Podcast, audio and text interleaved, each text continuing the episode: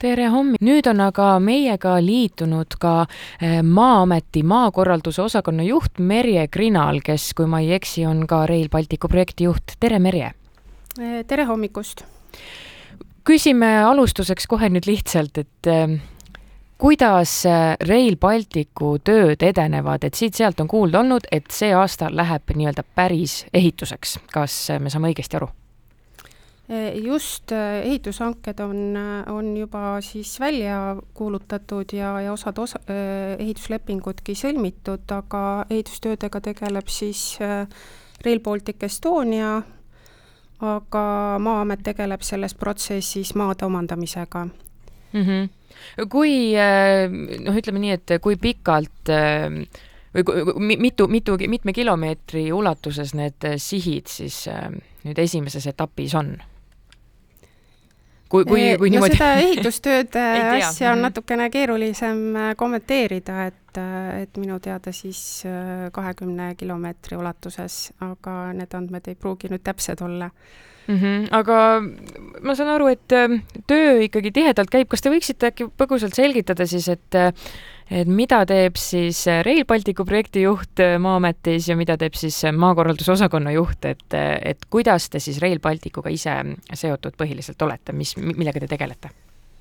Maakorraldus, maakorraldusosakonna põhitöö praegu ongi siis äh, tegeleda kinnisasjade avalikes huvides omandamisega äh, ja me tegeleme kahe raudteeprojektiga, Rail Balticuga ja ka Eesti Raudtee õgvendustega. Äh, töömahud on nendes kahes projektis hästi erinevad,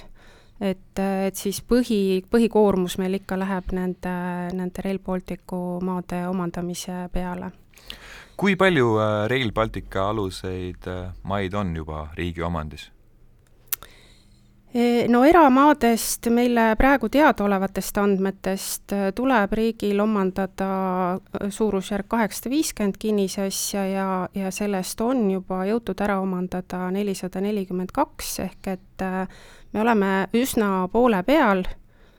et selline viiskümmend protsenti eramaadest on, on justkui omandatud siia võib tulla juurde veel äh, projektide täpsustumisega äh, veel täiendavalt maatükke ja lisaks on meil siis ühes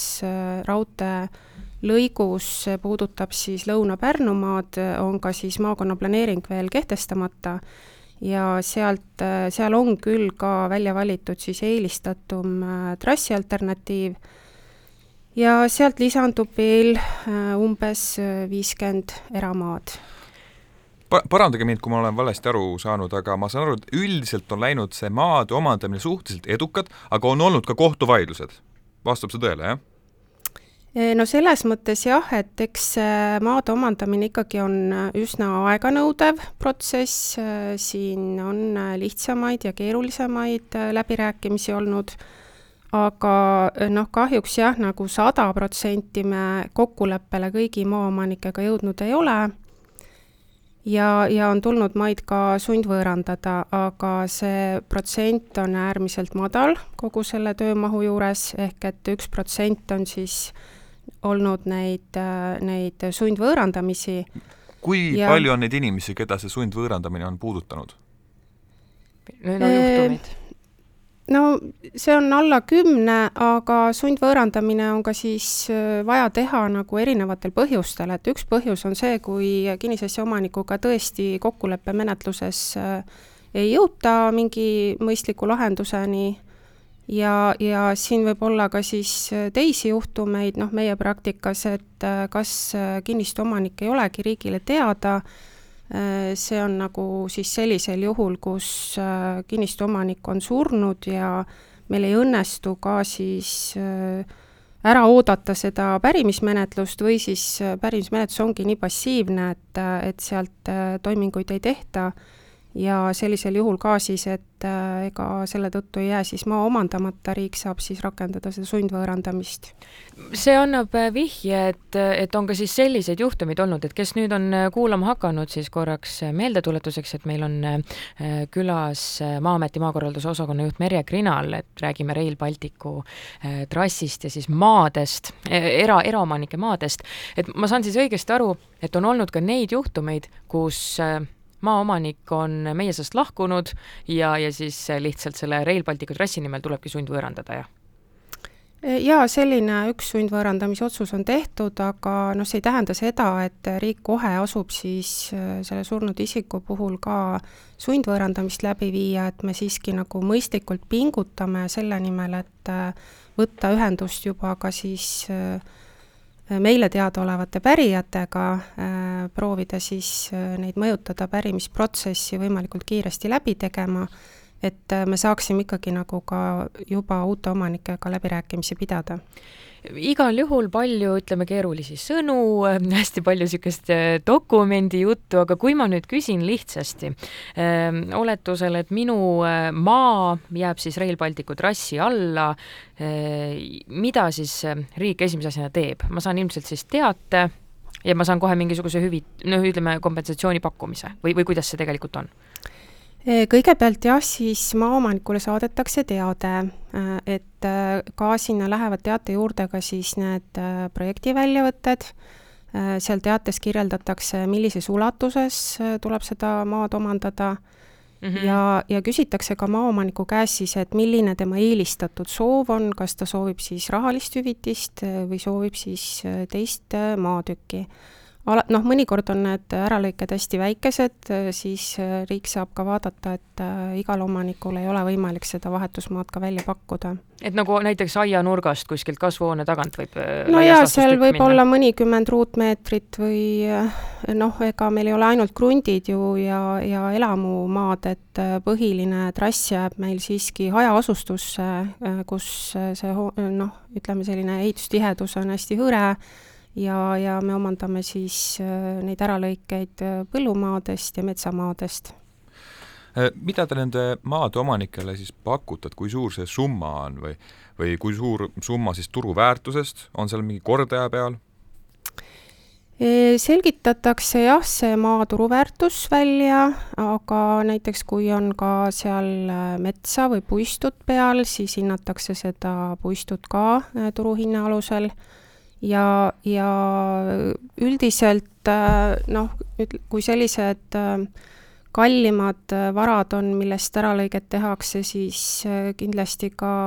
see ekspert, keda menetlusse kaasatakse, tema hindab ka siis nagu omanikule alles jääva kinnisasja turuväärtuse langust, ehk et seal on võimalik hüvitada omanikule ka äh, selliseid kaasnevaid kahjusid, mis äh, saavad siis tõendatud. kas talumistasu kui selline on ka kuidagi selle summa sees, mis siis võib inimesele osaks saada, kellel, kelle maatükk on seal Rail Balticu trassi all? No sellist talumistasu mõistet seal nüüd ei ole, et äh, no sisu küll..., sisuliselt? Noh, võib-olla jäi ütlemata nüüd see, et et, et selle kokkuleppele tuleku eest ka saab maksta maaomanikule veel täiendavat tasu, see on siis motivatsioonitasu, ehk mis peabki omanikku ka motiveerima veidi seda kokkulepet tulema tegema. Ja see on nagu kakskümmend protsenti siis sellest äh, määratud tasust milline on see hinnang nüüd, kui olete ju tegelenud, võiks öelda aasta, üle aasta kindlasti on ju need menetlused juba olnud või ma ei teagi, kaua. Ähm, mis see hinnang on, kas inimesed on pigem, pigem on nendega lihtne koostööle saada või pigem olete saanud võib-olla just üllatavalt palju vastuseisu? Äh, no võib-olla nendes äh, erinevates piirkondades on, on see omanike suhtumine veidi erinev, ehk et siin äh, Tallinna linnas, Tallinna lähiümbruses meil on see kinnisvara väga kõrgete väärtustega, siin on meil ka võib-olla vaidlusi rohkem, omanikel on siin erinevaid ootusi, võib-olla siis noh, ainult see, et kinnistu asub siin äh, Rae vallas ei, äh, ei tegelikult ei pane sellele kinnistule eriti kõrget väärtust, et äh, mõnel juhul võivad need kinnistud jääda ka sellistesse kohtadesse, kus valla üldplaneering näebki ette ainult sellist roheala ja sinna mingit ehitusperspektiivi ei ole, ei ole võimalik ka, vald ka kinnitab meile, et mingit arendusteemat või, või sellist ehitus potentsiaali maal ei ole,